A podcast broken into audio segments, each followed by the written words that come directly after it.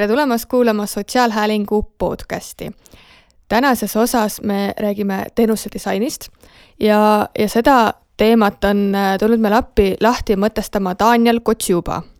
Daniel, äh, tutvusta ennast ja räägi, kuidas sa teenuse disainini üldse jõudsid. tere ka minu poolt. Ähm, mina olen siis äh, taustalt disainer ja oma erialases praktikas mind huvitabki inimene ja, ja mul on lihtsalt tundunud, et äh, teenuse disain aitab äh, sellise lähenemisena inimest äh, üsna hästi mõista oma erinevate siis selliste nii meetoditega kui ka tegelikult oma lähenemisega inimesele. ehk siis, kui me mõtleme, mis on selle teenuse disaini idee, siis püüab inimest kaardistada tervikuna ja, ja tegelikult vaadata tema kokkupuudet mingi teenusega või mingisuguse probleemiga, ütleme siis mitte ühes kindlas ajahetkes, vaid äh, nii-öelda inimese vaatevinklist ehk siis tervikuna. ja täna ma töötan avaliku sektori innovatsioonitiimis ja see on võib-olla selline kõige reaalsem praktika mul ka teenuse disaineri, teenuse disainiga olnud. aga noh, kas ma nimetan ennast teenuse disaineriks või mingiks muuks disaineriks, ei olegi võib-olla praegu oluline või, või äh, see määratlus konkreetsemalt lihtsalt see teenuse disain kui tööriist on võib-olla siis või lähenemine disainile on see, millega täna ma olen rohkem seotud olnud. kui sa peaksid selgitama kellelegi, mis see teenuse disain on, kes ei ole võib-olla kunagi sellest midagi kuulnud, ta on natukene Eestis veel selline uudne asi, kuigi teenuse disain iseenesest enam väga uus ei ole. kuidas selgitada, mis asi see teenuse disain niisuguses praktilisemas mõttes tegelikult on? Teenuse disain või ütleme isegi disain laiemalt, ta on jaotunud justkui kahte etappi. et äh, sageli seostatakse disaini selliste noh, toredate ilusate asjade loomisega ja selliste esteetikaga hästi palju. aga võib-olla nii palju, üha enam pannakse ka rõhku sellele, et äh, disain on ka funktsionaalne, täidab lahendab ka konkreetselt mingit probleemi. olgu see siis kas või esteetiline probleem, eks ole ja seetõttu selline üks oluline komponent disainis ongi selline probleemi süvitsi mõistmine. ja selle peale, see saab olema vundamendiks ka lahenduste väljatöötamisel. kui nüüd küsida, mis asi on teenuse disain, siis äh, teenuse disaini idee ongi see, teenuse disain vaatab inimese teekonda mingi teenuse lõikes või mingi probleemi lõikes. ehk siis äh, see tähendab seda, et äh, mitte ainult teenuse disain ei vaata kui me näitame, kui, et inimene, kui astub postkontorisse, mis seal postkontoris toimub, aga ka tema teekonda kuni postkontorini ja mis juhtub pärast postkontorit. et äh, ta vaat-, püüab vaadata seda tervikuna, selleks, et aru saada, et äh, mis on need äh, võimalused sekkumiseks just siis selles postkontoris, kui me räägime siis postiteenusest näiteks. aga kindlasti postiteenus ei ole ainult postkontor, vaid see ilmestabki väga hästi, et kui me mõtleme, kus tänapäeval postkontorid asuvad, siis on sageli ostukeskuste lähedal, eks ole, mis äh, on loogiline, sest inimene käib ostukeskuses ja talle on mugav, kui seal lähedal on ka postkontor, kus ta saab mingi asjaajamised ära teha ja noh, muidugi täna on postkontori idee ja kontseptsioon ka paljus palju muutunud. aga lihtsalt iseloomustamaks siis sellist näidet. kui me räägime ka avalike teenuste disainist või tegelikult see ei ole isegi avaliku sektori spetsiifiline sageli teenuseid ehitatakse üles organisatsiooni vaatevinklist. ehk siis, kuidas oleks kõige mõistlikum mingit teenust pakkuda. mis on üsna loogiline, sest on mõistlik kuluefektiivselt neid asju teha, mida sa teed, äh, säästlikult, eks ole, ja, ja nii, et äh, mingi teenus äh, oleks järjepidev, seal on väga palju selliseid organisatoorseid küsimusi mängus. aga siis küsimus on selles, et kas selle jooksul vaadatakse ka, kuidas see kasutaja seda teenust siis tarbib. aga mitte ainult see, vaid ka, kas tegeletakse nagu õige probleemiga, on sageli see küsimus ka. ehk siis, äh, kui me oleme keskendunud sellele, kuidas äh, organisatsioon teenust pakub, äh, siis ja me jätame välja selle kasutajapoolse vaatevinkli, siis sageli ei pruugigi me lahendada kõige paremini seda õiget probleemi. nüüd ma räägin hästi abstraktselt muidugi, aga ma lihtsalt toon näite, et meil oli siin meie enda töös on juba tänaseks legendaarseks saanud selline näide Sotsiaalkindlustusametilt, kus kohas äh, Sotsiaalkindlustusamet tuli ideega, kuidas automatiseerida puude määramist. õieti see oli mitte idee, aga see oli juba nende jaoks lahendus mingis mõttes. aga meie, mida me teeme, on see, et meie suuname oma projektitiimid välitöödele. suuname neid rääkima nende lõppkasutajatega, keda see probleem puudutab. ja millega tuli siis äh, Sotsiaalkindlustusamet äh, välitöödelt nii-öelda tagasi probleemi mõistmise mõttes, on see, et äh, nad said aru, et inimene tegelikult äh,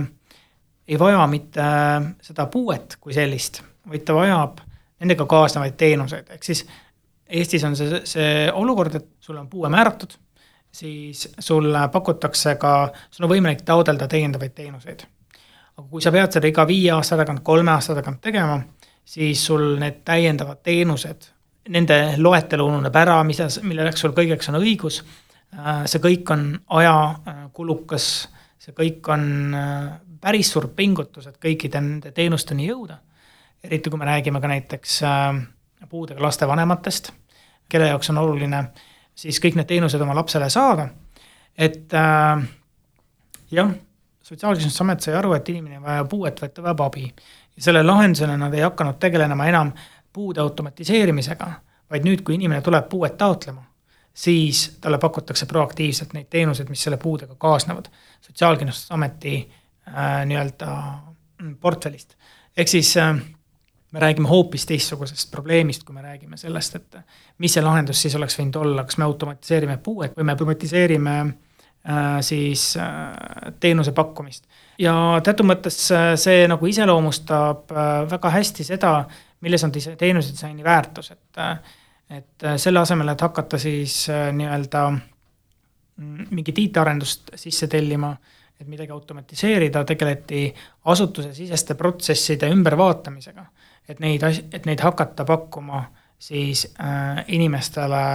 ennetavalt. sa tõid välja palju niisuguseid hästi olulisi teenuse disaini äh, põhimõtteid võib-olla, et üks oli see kliendikesksus, et me lahendame just äh, kliendi või selle inimese probleeme, seda, mida tema vajab, mitte võib-olla ei keskendu nii palju sellele organisatsioonile,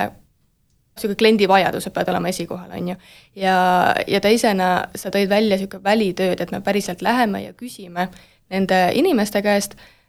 mis on täna nende niisugused valukohad ja murepunktid. on veel mingeid niisuguseid olulisi teenusedisaini alustalasid või, või põhimõtteid, mida peaks välja tooma? no see, mis on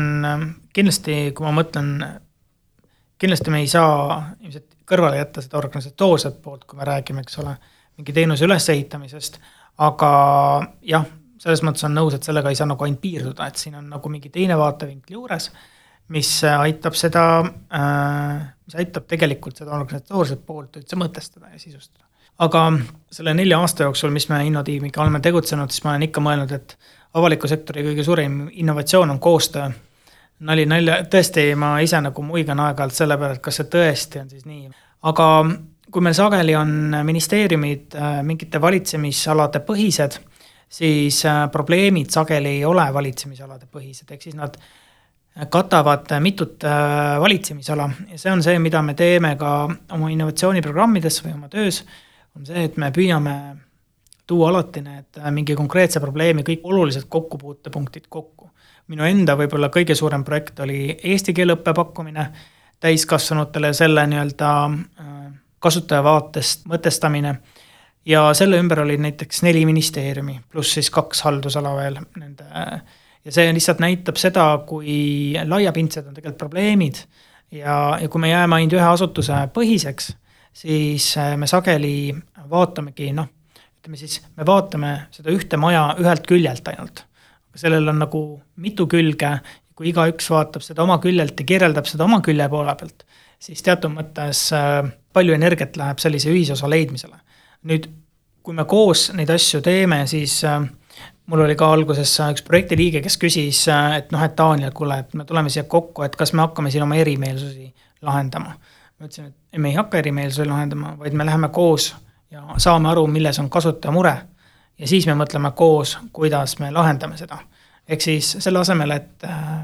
erimeelsusi võib-olla siluda, me tegeleme siin tõesti kasutaja murega ja sellise empaatilise arusaamise loomisega äh, kasutaja murest, millest siis pärast siis hakkame üheskoos mõtlema, kuidas me igaüks saame panustada sellesse, et see asi kõige paremini siis ka lahendada olemasolevate parimate võimaluste ressursside raames. ma ütleks jah, et koostöö on hästi oluline nagu komponent, eriti mis puudutab, tegelikult mis puudutab nii avalikku sektorit kui ka laiemalt äh, teenuse disaini lähenemist. aga teenuse disainis või laiemalt avalikus sektoris äh, üks meie viimase aja selliseid äh, tööpõldusid on ka see, et kui me nüüd töötame mingid lahendused välja, kui me nüüd mõtleme, et okei okay,, Daniel, või okei okay,, see tiim, eks ole, et meil on üks mingi kihvt mõte, mida me võiksime teha, et aga kus me teame, et see ka tegelikult lahendab päris probleemi ära. tegelikult siis selleks oleks mõistlik katsetada selleks oleks mõistlik äh, teada saada seda, kas siis enne, kui me midagi seadustame, kas sellel on ka see sisuline väärtus, mida me tahame saavutada. või me peame veel mingeid muudatusi tegema, täie täpsustusi tegema, enne kui me läheme siis üleriigiliseks või hakkame midagi seadusesse vala, valama, kui on seadust üldse vaja muidugi muuta. aga ühesõnaga, et äh, väiksel, üks oluline komponent on see võib-olla äh, ma ei tea, kui palju see haakub sellise teenusedisaini kui sellisega, kuivõrd sellise avaliku sektori võib-olla mingisuguse äh, toimimise kvaliteediga, et äh, me läheme ja saame midagi teada, enne kui, kui me hakkame midagi seadustama. ja sellega kaasnevad ka igasugused äh, nii-öelda, kuidas siis sellega öelda, noh meditsiinis öeldakse nagu kõrvalnähud, et meil peab olema ka julgus äh, see sõna, mida ma üldse, millesse ma ise ei usu ja milles, mida ma ise ei kasuta, aga ütleme siis eksida või siis ütleme nii, et see alguses tõstatatud hüpoteesid, kui nad päris sellisel kujul ei realiseeru või see tulemus ei näita meile seda, siis meil peab olema julgus ühelt poolt seda muuta, teistpidi edasi, teha oma korrektuurid teiselt poolt, meie ka nagu sellise lõpptarbijana või tava, tavakodanikuna me peame ka nagu aktsepteerima seda, et kõik asjad ei saa minna päris nii, nagu me algusest peale planeerime, vaid see asi ongi õppimise protsess. õppimise protsessis me räägime kogu aeg sellest, et me õpime ikkagi sageli läbi katse-eksituse, ehk siis me katsetame midagi, me saame targemaks ja me oskame teha korrektuure, me oskame nüüd teadlikumalt edasi minna. et selle ümbermõtestamine on ka siin taustal hästi oluline. nüüd ma olen vist väga kaugele su küsimusest läinud ei, ei ole üldse. mulle väga meeldis see su idee või, või selle üldse teenuse disaini idee, et me ei alusta kohe probleemi lahendamisest, vaid me alustamegi probleemi defineerimisest, et kus siis tegelikult see probleem asub, kuhu me peaksime enda fookuse panema. mis mulle tundub ka, et avalikus sektoris äh, noh, võib-olla alustatakse sealt kolmandalt-neljandalt etapilt juba, et see esimene ots mõnikord äh, jääb natukene ilm, ilma tähelepanuta. Äh, kui sa peaksid kellelegi avalikus sektoris maha müüma teenuse disaini, et miks nad peaks näiteks enda organisatsiooni palkama teenuse disaineri või, või koolitama enda töötajaid, kuidas teenuse disaini äh, rakendada, siis milliseid argumente sa kasutaksid, et seda ideed neile maha müüa? ma arvan, et innovatsioonitiimi töö on äh, algusest peale olnud äh, selle küsimusega tegelemine. et me oleme algusest peale pidanud tegelikult tõestama seda, et see, mida me teeme, et sellel on ka sisu taga, see ei ole tulnud nii-öelda tasuta kätte, kuigi meie töös on kindlasti väga palju selliseid eesõigusid, siis, äh, siis ma arvan, et äh, needsamad argumendid äh, ühelt poolt, et kas me teame seda, mis probleemi me lahendame, enne kui me hakkame seda lahendama, ma ütleks niimoodi, et avalikus sektoris töötavad oma valdkonna ikkagi sageli tippspetsialistid kes omavad väga pikaaegset kogemust mingi probleemiga tegelemisel. Nad teavad väga hästi probleemi äh, skoopidest, probleemi nii-öelda olemusest, aga mis äh, mõningatel juhtudel võib äh, äh, puudu jääda, on see, et me saame aru, kus on mingi probleem, kellega see probleem toimub ja, ja võib-olla me saame kindlasti teada ka veel täiendavaid asju. aga just mingi probleemi selle kasutaja poolsest vaatest sellest võib-olla niivõrd terviklikku ja empaatilist ja head pilti me sageli ei ole, ehk siis kui me räägime, et me soovime mõjutada inimkäitumist mingisuguses suunas, siis äh, seda meil ei ole võimalik teha ilma inimkäitumist mõistmata. ja see on nagu üks hästi oluline argument, mida on võimalik illustreerida näidetega. ja, ja see on, see on ka see, kuidas, kuidas me olemegi oma tööd üles ehitanud, praktilise tööde ja üks väga oluline teema on see, et mis on hästi selline võib-olla tehno tundub, aga me püüame lahendada mitte selliseid hüpoteetilisi probleeme, me püüame aidata neid ametnikke nende töös. kui nad tegelevad mingi konkreetse küsimusega, olgu see siis kiiruse, näiteks liiklussurmade vähendamine, olgu see vähipatsiendile parema teekonna pakkumine, raviteekonna pakkumine, olgu see kaitseteenistusse rohkem nii-öelda ajateenijate saamist või on see näiteks, äh, mis mulle kiiresti meelde tuleb, näiteks äh, põllumajanduseks mõeldud sinise diisli väärkasutamise vähendamine, siis need kõik nõuavad teatud mõttes selle kasutaja mõistmist. ja meie tuleme ja me pakume neile tuge selle probleemiga tegelemisel. ja, ja see ongi võib-olla oluline nagu ka argument, kuidas seda asja maha müüa, on see, et me tuleme inimestele appi neid äh, probleeme lahendama. ja need näited, mis meil tänaseks on kogunenud, kui ka see protsess ise on sageli niisugune ajamahukas olnud, aga ta on alati ka väga selles mõttes positiivset äh, impulssi andev olnud, et inimesed äh, kunagi ei teki siit üks lahendus või üks äh, idee, millega minna, siin tekib äh,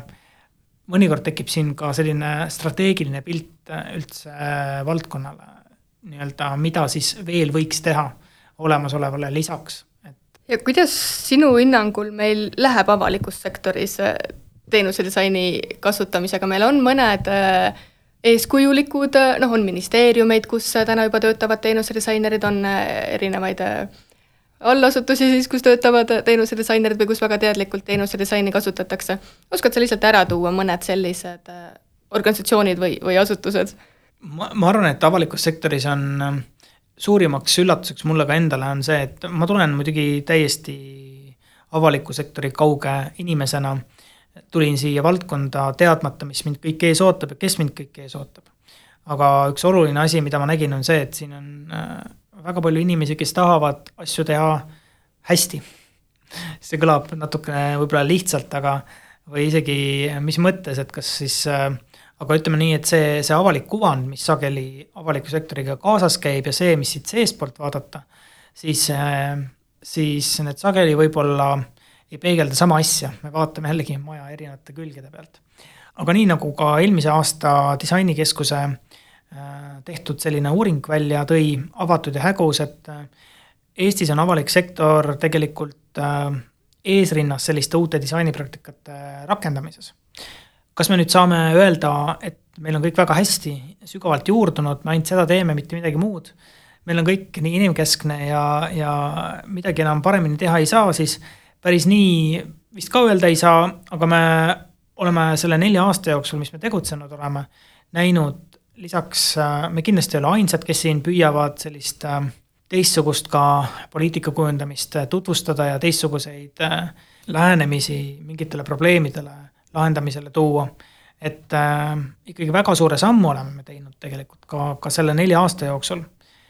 disainiteadlikkus on kindlasti avalikus sektoris väga palju kasvanud. meil on kindlasti väga pikk tee veel minna, aga see pinnas on täna väga viljakas selleks, et, et ka need viljad, mis sealt kasvavad, kasvama hakkavad, tegelikult äh, meil on järjest enam tulnud äh, disainereid tööle avalikku sektorisse, näinud, et see töö on ka põnev tegelikult, et see töö on ka nagu, et sellel on väga tugev mõju ja see on üks avaliku sektori kindlasti üks suuri väärtusi, mida ta pakub äh, disainerile, on mõju, ehk siis mõju suurus. kindlasti meil on palju minna veel sinna, et, et see kaetus nii-öelda avaliku sektori üleselt oleks ühtlane äh, ja et ta oleks äh, piisavalt juurdunud ka nendesse igapäevastesse protsessidesse. et me ei räägiks eraldi teenuse disainist, vaid me räägiksime sellest kui sellisest integraalsest osast, kuidas me üleüldse midagi lahendame. sinna on kindlasti veel omajagu tükk teed minna, aga ma arvan, et äh, väga suur algus või väga suur, väga suured sammud on ikkagi avalik sektor teinud ja teeb jätkuvalt selleks, et, äh, et, et sinnapoole liikuda ja sinna kohale jõuda jaa, hästi suur tuge pakubki sellele kõigele Riigikantselei juurde loodud innotiim. et sa oled ka natukene paari sõnaga maininud seda, tahad sa täpsemalt rääkida, kes veel ei tea, et mis see täpsemalt äh, endast äh, kujutab? ja avaliku sektori innovatsioonitiim on üks võib-olla siis sellistest Eesti avaliku sektori eksperimentidest, mis sündis siis äh, neli ja pool aastat tagasi. Ähm, avaliku sektori ja sotsiaalse innovatsiooni rakkerühma töö tulemusena. see oli siis soovitus luua selline üksus, kes siis aitaks teenusedisaini või ütleme siis täpsemalt kasutajakeskset mõtlemist rohkem avaliku sektori tuua. Ja selle tulemusena pandi kokku siis selline toona kolmeliikmeline äh, tiim kolmeks aastaks. Ja nende eesmärk oligi siis sellist äh, esiteks äh, kasutajakeskse mõtlemisviisi tutvustamine ja levitamine ja ka juurutamine avalikus sektoris, kuid ka selline koostöö loomine siis, ehk siis äh, just vaadata probleemidele otsa kõikide probleemi osapooltega. Äh, tänaseks on siis äh, kolm aastat möödas ja me jätkame praegu vähemalt äh, mingis lähimas perspektiivis. Ja vaatame, kuidas, kuidas meie, kui pikaks meid vaja on, aga et eks meie selline fookus ka on ajas täpsustunud, et see all, et meie, me oleme saanud oma tööd kujundada väga suures osas, et kõigepealt aru saada, mis meie töö sisu on üldse, näiteks esimene, esimesel aastal me tegime projekte ise vedasime, ilma suurema tiimita enda ümber, me saime aru, et me väga pikalt väga kaugele nii ei purjeta, et meil oli vaja algusest peale kogu protsessi läbi teha koos projektitiimidega, ehk siis koos probleemi omanikega. ja see oli nagu üks suur muutus, mida me pärast esimest projektivooru sisse tõime. Me oleme selline jah, katsetuslik äh, selline tiim, me baseerume Riigikantseleis, aga juriidiliselt, aga me teenindame nii-öelda tervet äh, ministeeriume kui ka siis nende allasutusi. ja see innotiimi juurde on loodud selline innovatsiooniprogramm või no innovatsioonitiim teebki innovatsiooniprogrammi, kus siis erinevad äh, asutused, organisatsioonid, ministeeriumid saavad lahendada koos erinevaid probleeme oskad sa välja tuua mõne niisuguse erilisema pärli või eduloo mingist äh, probleemi äh, lahendamisest, mis jõudis väga, väga heasse kohta, mis lahendabki kasutaja, kliendi probleeme väga edukalt, hoides kokku ressursse, tuues maksimaalset kasu? sissejuhatuseks veel nii palju öelda, et tõesti, me tegutseme selliste innovatsiooniprogrammidega, me teeme ka selliseid teenusedisaini programme, mille raames siis me käime selle teenusedisaini protsessi läbi koos nende tiimidega. Ja nendesse programmidesse saab siis kandideerida, saavad ametnikud kandideerida mingite konkreetsete oma, oma laual olevate probleemidega koos projektitiimidega ja me siis aitame metoodiliselt neid kogu sellest protsessist läbi. Äh, lisaks siis selle Sotsiaalkindlustusameti näitele, mis ma juba siia tõin, kindlasti võib-olla rohkem avalikku tähelepanu saanud on meil rahunemispeatus, mis on välja kasvanud tegelikult äh, siseministeeriumi ja Politsei- ja Piirivalveameti ühisprojektist, kus äh, tuldigi küsimusega, et kuidas me saame liiklussurmasid vähendada. ja selle probleemi analüüsi raames jõuti arusaamisele, et üks oluline komponent liiklussurmadest on autosõidukiirus. ehk siis, kui palju ületatakse seda lubatud sõidukiirust. ja selle mõjutamisega hakkas siis tiim tegelema või selle ülesande, mille tegelikult ka toonane siseministeeriumi kantsler andis tiimile, oli see, et äh, et oleks vaja leida uusi viise, kuidas mõjutada inimkäitumist just kiiruse ületamise vähendamiseks. ja kui me mõtleme, siis tegelikult kiiruse ületamisega on, vähendamisega on tegeletud tegelikult juba kolmkümmend aastat enam-vähem ja, ja pikemaltki, kui nii mõelda, eks ole, ehk siis äh, me ei hakanud looma mingit uut äh, valdkonda, väga palju on ära proovitud aga selle raames siis jõuti selleni, et, et võib-olla raha asemel me saame inimesi distsiplineerida ajaga. Et äh, see oli veel omaette lugu, kuidas sinna jõuti, aga läbi välitööde siis äh, sinnani jõuti. või näiteks üks äh, kindlasti selline, kas me saa-, tähendab, tulles nüüd tagasi selle juurde, et kas me saame nüüd öelda, et see on mõjus, siis täna on veel vara seda öelda seda, neid tulemusi me täna veel ei tea, aga sellega täna tööd tehakse, et aru saada, täna on seadustatud, et selline nii-öelda kinnipidamise meede on politseil lubatud kasutada ja nüüd on siis see küsimus, et me peame hindama, ehk siis me peame katsetama, kas, kas see asi ka toimib. kas see, kas sellel on see oodatav mõju, mida me soovime, ehk siis kas see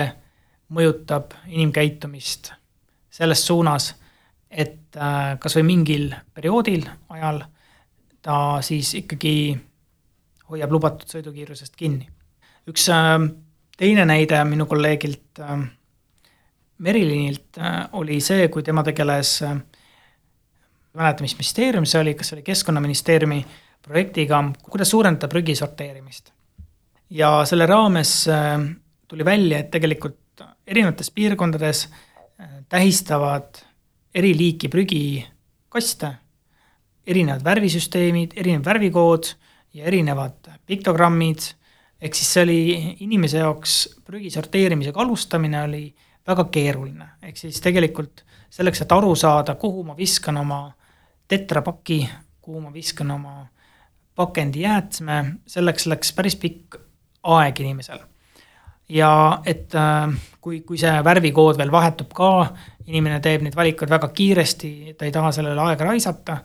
siis selle asemel, et kõik olmesse visata, et ta teeks äh, selles, sellel murdosa sekundil teadliku valiku, selleks oli süsteem hetkel, oli tol hetkel selline segane.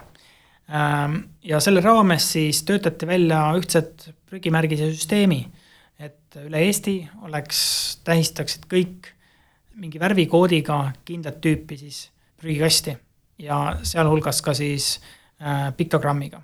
ehk siis see on jälle üks näide, kus kohas tegelikult äh, väga lihtsate vahenditega on võimalik mingi asi natuke teha inimestele lihtsamaks ja mugavamaks, selleks, et nad siis hakkaksid ka seda prügi sorteerima paremini. aga see kindlasti oli nagu üks meede ja, ja aga lihtsalt üks näide nende, nende teiste hulgast ja no iga projektiga me jõuame tegelikult äh, läbi nende välitööde, läbi sellise kasutaja uurimuse me jõuame tegelikult äh, sellise äh,, me püüame alati jõuda sellise empaatilise arusaamiseni selle kasutaja murest. ja see juba tegelikult äh,, see on üks suurimaid võib-olla selliseid mängumuutjaid kogu selles programmis, et äh,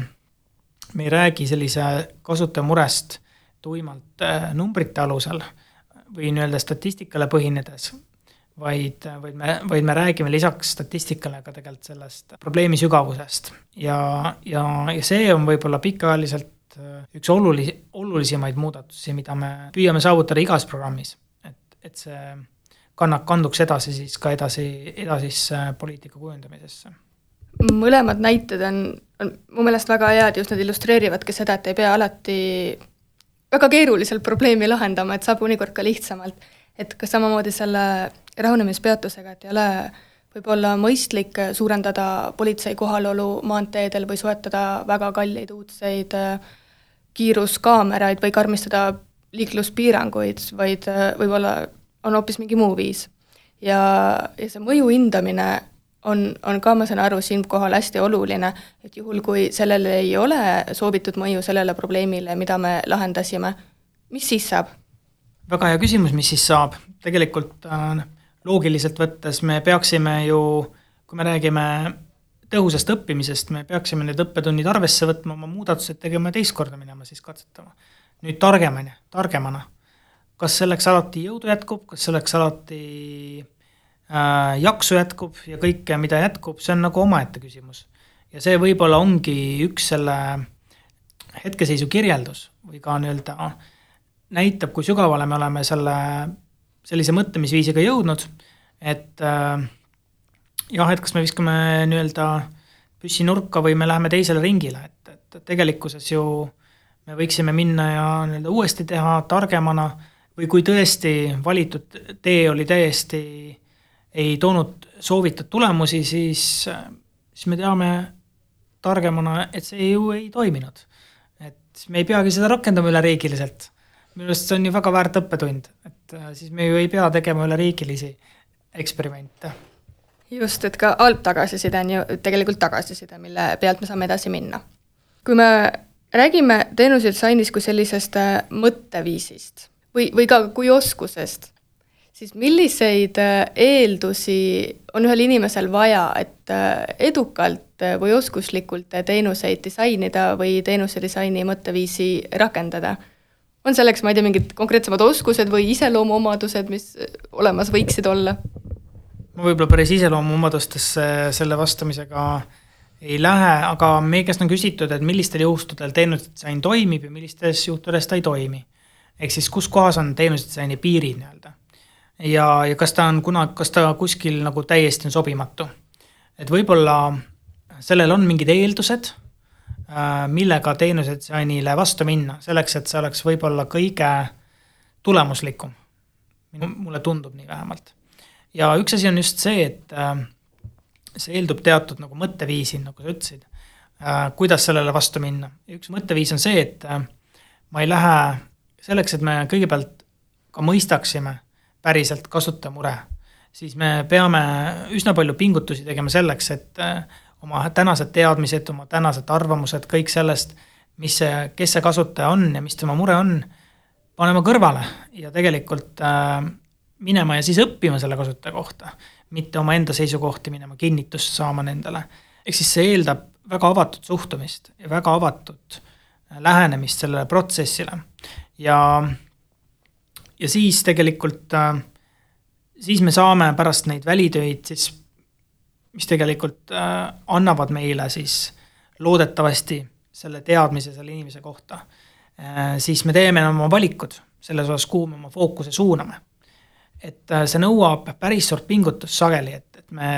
nii avatult läheneme protsessile. et me ei defineeri ära selle raja või selle lõpptulemuse, kuhu me jõuda tahame.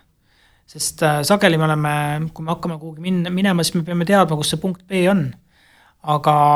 see tegelikult ei ole teise teenuse disaini spetsiifiline. see tegelikult kirjeldab laiemalt disainmõtlemist või disaini, disainerlikku lähenemist et ta hakkab mingit äh, probleemi uurima ja nii nagu siis ka disaini ja kunstide ringkonnas öeldakse, vaatad, kuhu see materjal sind viib. et see on nagu väga oluline eeldus, mis, mida see nõuab inimeselt. ja kui sinna panna igasuguseid äh, nii-öelda kõik, kõik muu, eks ole, siis nagu kallutab selle, selle kursilt kõrvale. ja siis võid äh, avastada ennast hetkel olukorras, kus kohas tegelikult see protsess ei ole viinud sind sinna, kuhu sa tegelikult alguses oled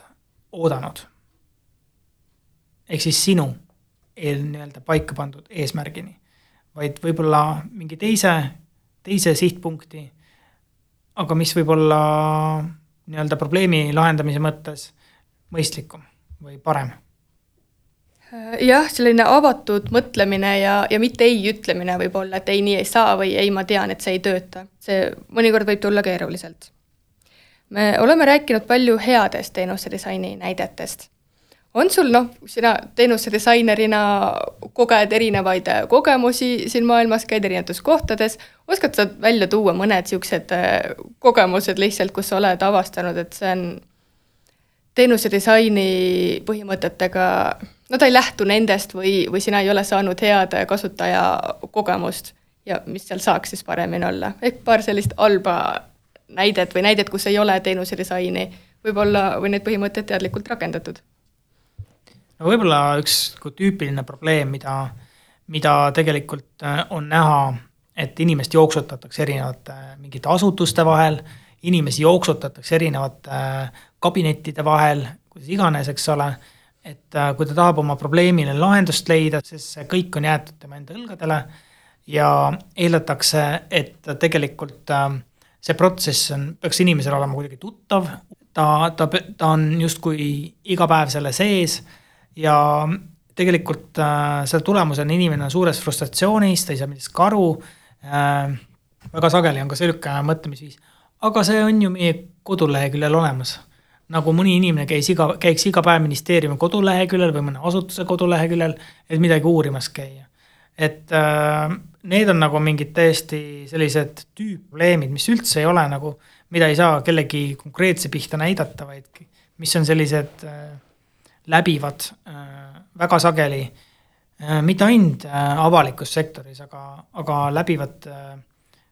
kus kohas inimene on jäetud nii-öelda oma murega nii-öelda üksi või ta, talle isegi võib-olla antakse mingi äh, niidiots, kus edasi arutada. ja see on isegi hea seis, kui, kui talle antakse see niidiots. aga, aga ta peab sellest kuidagi läbi ise sumpama, sellest kadalipust. Seda ma ütleks, et see, see võiks kirjeldada sellist mitte äh, hästi toimivat süsteemi. ma toon siia vastupidi, ma ei, ma ei, ma ei oska nagu halbadest näidetest väga rääkida. ma oskan ikka, mõte kohe läheb nagu positiivse näitele. ma, ma pean lihtsalt seda ütlema nagu, kuna see oli lihtsalt nii kontrastne kogemus just sellele sama näitega võrreldes, ma, ise tellisin endale Sotsiaalkindlustusametist ühte abivahendit ja, ja siis äh, sellega seoses mul oli üks olukord, kus kohas ma pidin seal midagi täpsustama, midagi muutma äh, selles taotluses ja minuga võttis ühendust Sotsiaalkindlustusameti üks siis nõunik. et, äh, et Daniel, sul on mingi asi seal, mida on vaja teha. ja siis ma ütlesin, ahah, okei okay,, aga kus ma siis seda pean tegema? Ära muretse, ma võtan ja teen selle ise ära sinu jaoks. et, äh, et lihtsalt mul on vaja teada, et sa annaksid mulle luba selleks, et ma võiks seda sinu eest teha. ma ütlesin, ja loomulikult võid teha, et suur aitäh.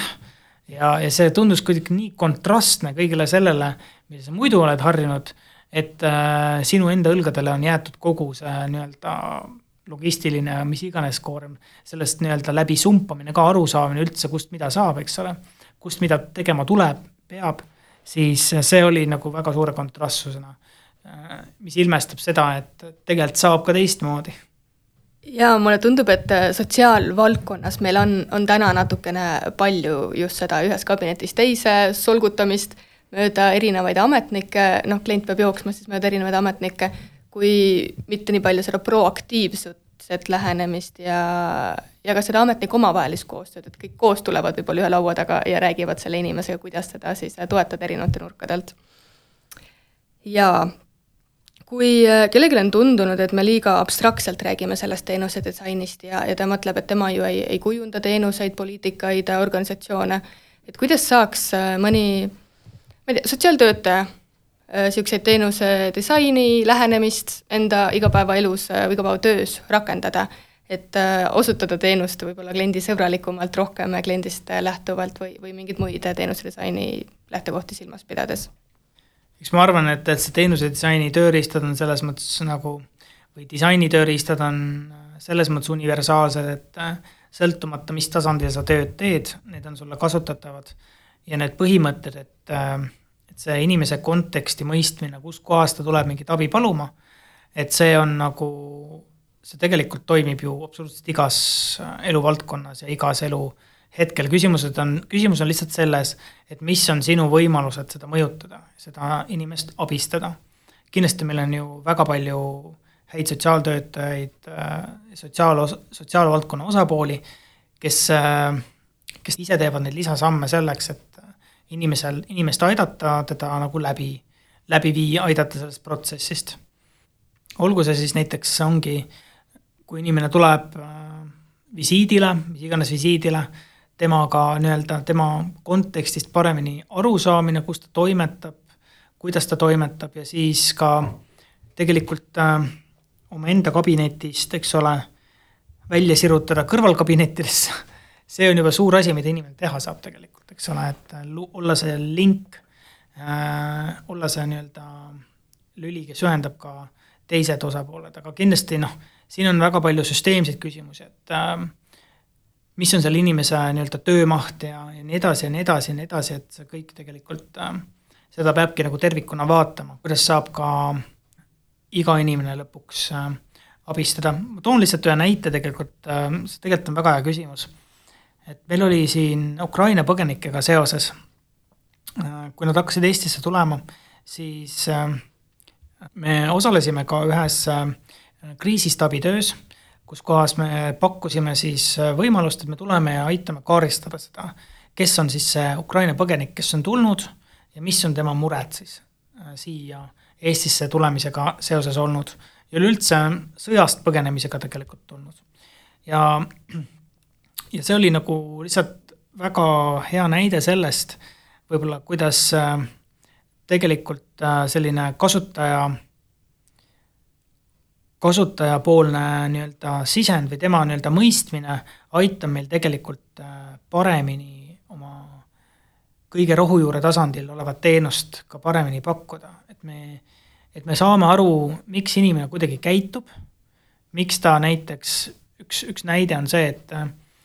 et Ukraina teatud piirkondades on näiteks äh, äh altkäemaksu pakkumine loomulik, et kui ta tuleb sedasama siia, siia tegema, siis see ei ole sellepärast et ta on väga kriminaalne, eks ole, vaid ta tuleb teisest sotsiaalsest kontekstist.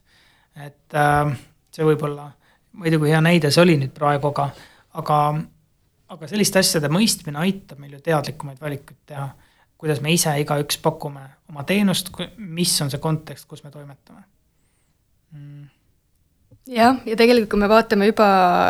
klienti, kes näiteks meie uksest sisse astub, tema, tema teekonda või tema teenuse tarbimist laiemalt mitte ainult sellest hetkest, kui ta tuleb meie kabinetti, kui ta lahkub, siis äh, juba ka sealt me võime leida väga palju selliseid äh, murekohti või, või takistusi, kuidas meie saame tal aidata natukene sujuvamalt liikuda, kas siis meie teenuse kontekstis või võib-olla ka teiste teenuste vahel, ehk niisugune laia pildi omamine ja võib-olla ka küsimuste küsimine mõnikord äh, väga lihtsad asjad, mida saab teha. väga hästi öeldud ja, ja mis, mis ma nagu ütlen, on ka see, et see, ütleme, need inimesed, kes puutuvad vahetult kokku nii-öelda selle lõppkliendiga, me ei saa alati, me ei tohi kunagi ära unustada, et ka need avaliku sektori inimesed on lõppkliendid, nad ei ole ainult hommikust õhtuni, õhtust hommikuni ametnikud, eks ole, vaid nad ise on ka inimesed ikkagi, et ühesõnaga, ka nemad saavad panustada sellesse, et et asutuses toimuks siis selline lõppkasutaja vaatest siis ka teadlikumad mingisugused otsused, eks ole. kindlasti omaette küsimus on selles, et kui palju see pingutusi nõuab inimestelt, selline, see juba tuleb sellesse küsimusse, et kuidas on asutuse juhtimisprotsessid üles ehitatud ja nii edasi, aga ma ikkagi usun, et igal inimesel on võimalik seda asja oma töös rakendada. nii et see on, seetõttu me saamegi rääkida nendest kui universaalsetest lähenemistest kui äh, keegi tunneb, et ta tahaks äh, rohkem teada saada sellest teenuse disainist, mis need võib-olla konkreetsed äh, tööriistad on, siis millised on täna võimalused, et, et ennast rohkem kurssi viia selle teemaga? kui kedagi huvitab, siis kindlasti võib õppima minna seda aga kindlasti meil on väga-väga palju kirjandust nii eesti keeles kui ka, kui ka tegelikult äh, kui ka tegelikult meil on kursuseid, on veebikursuseid on ülikoolis eraldi kursuseid ja nii-öelda ma arvan, meil on mikrokraade kindlasti olemas sellel teemal, et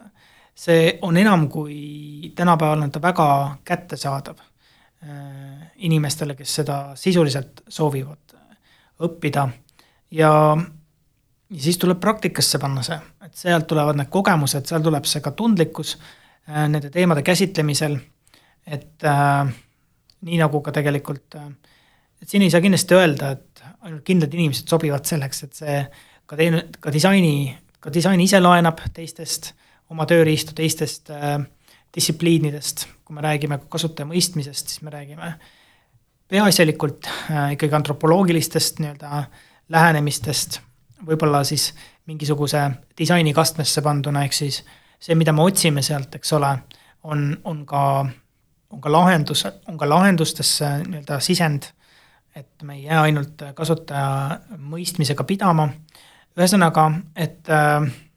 aga üks võimalus on äh, tulla ka, kes soovib äh, meie oma tegemistega kokku puutuda, meie Facebooki leheküljele, võib kirjutada Innotiim, siis me teeme selliseid asju nagu Nii klubi, mis on avalikkusele suunatud siis sellised äh,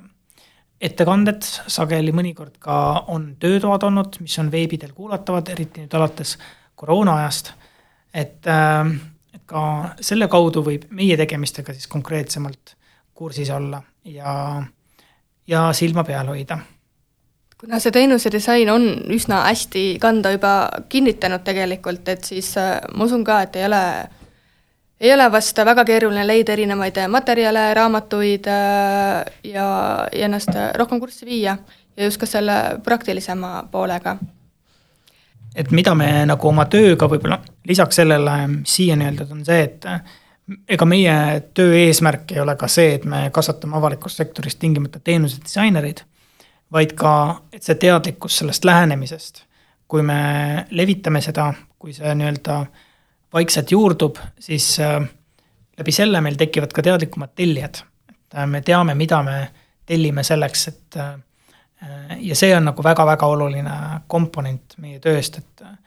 et kui inimene teeb selle läbi, siis tal tekib oma isiklik kogemus läbi selle, oma, oma töö, mida siis ka sisse tellida siis juba professionaalsetelt disaineritelt. ja see on kindlasti oluline ka meie töös ja ma arvan, et meil äh, tuli üsna selline hea ülevaatlik äh, vestlus sellest, mis asi on tegelikult teenuse disain, mis on selle tulud ja, ja kulud ja, ja miks äh, võiks selle kohta rohkem juurde õppida, juurde küsida ja ka enda organisatsioonile seda võib-olla maha müüa. Kellele jäi tänane episood natukene abstraktseks või, või vastupidi, tekitas väga suure uudishimu siis äh, meil tuleb äh, teenuse disainile selline jätkuepisood, kus me räägime siis äh, ühe teenuse näitel, võtame lahti selle teenuse disaini protsessi ja, ja kuhu see jõuti ja mis selle tulemus siis oli, et kuidas seda probleemi tegelikult siis lahendati. ja, ja see võib-olla annab niisuguse täpsema, sisukama ülevaate aga aitäh teile kuulamast ja kohtume varsti jälle!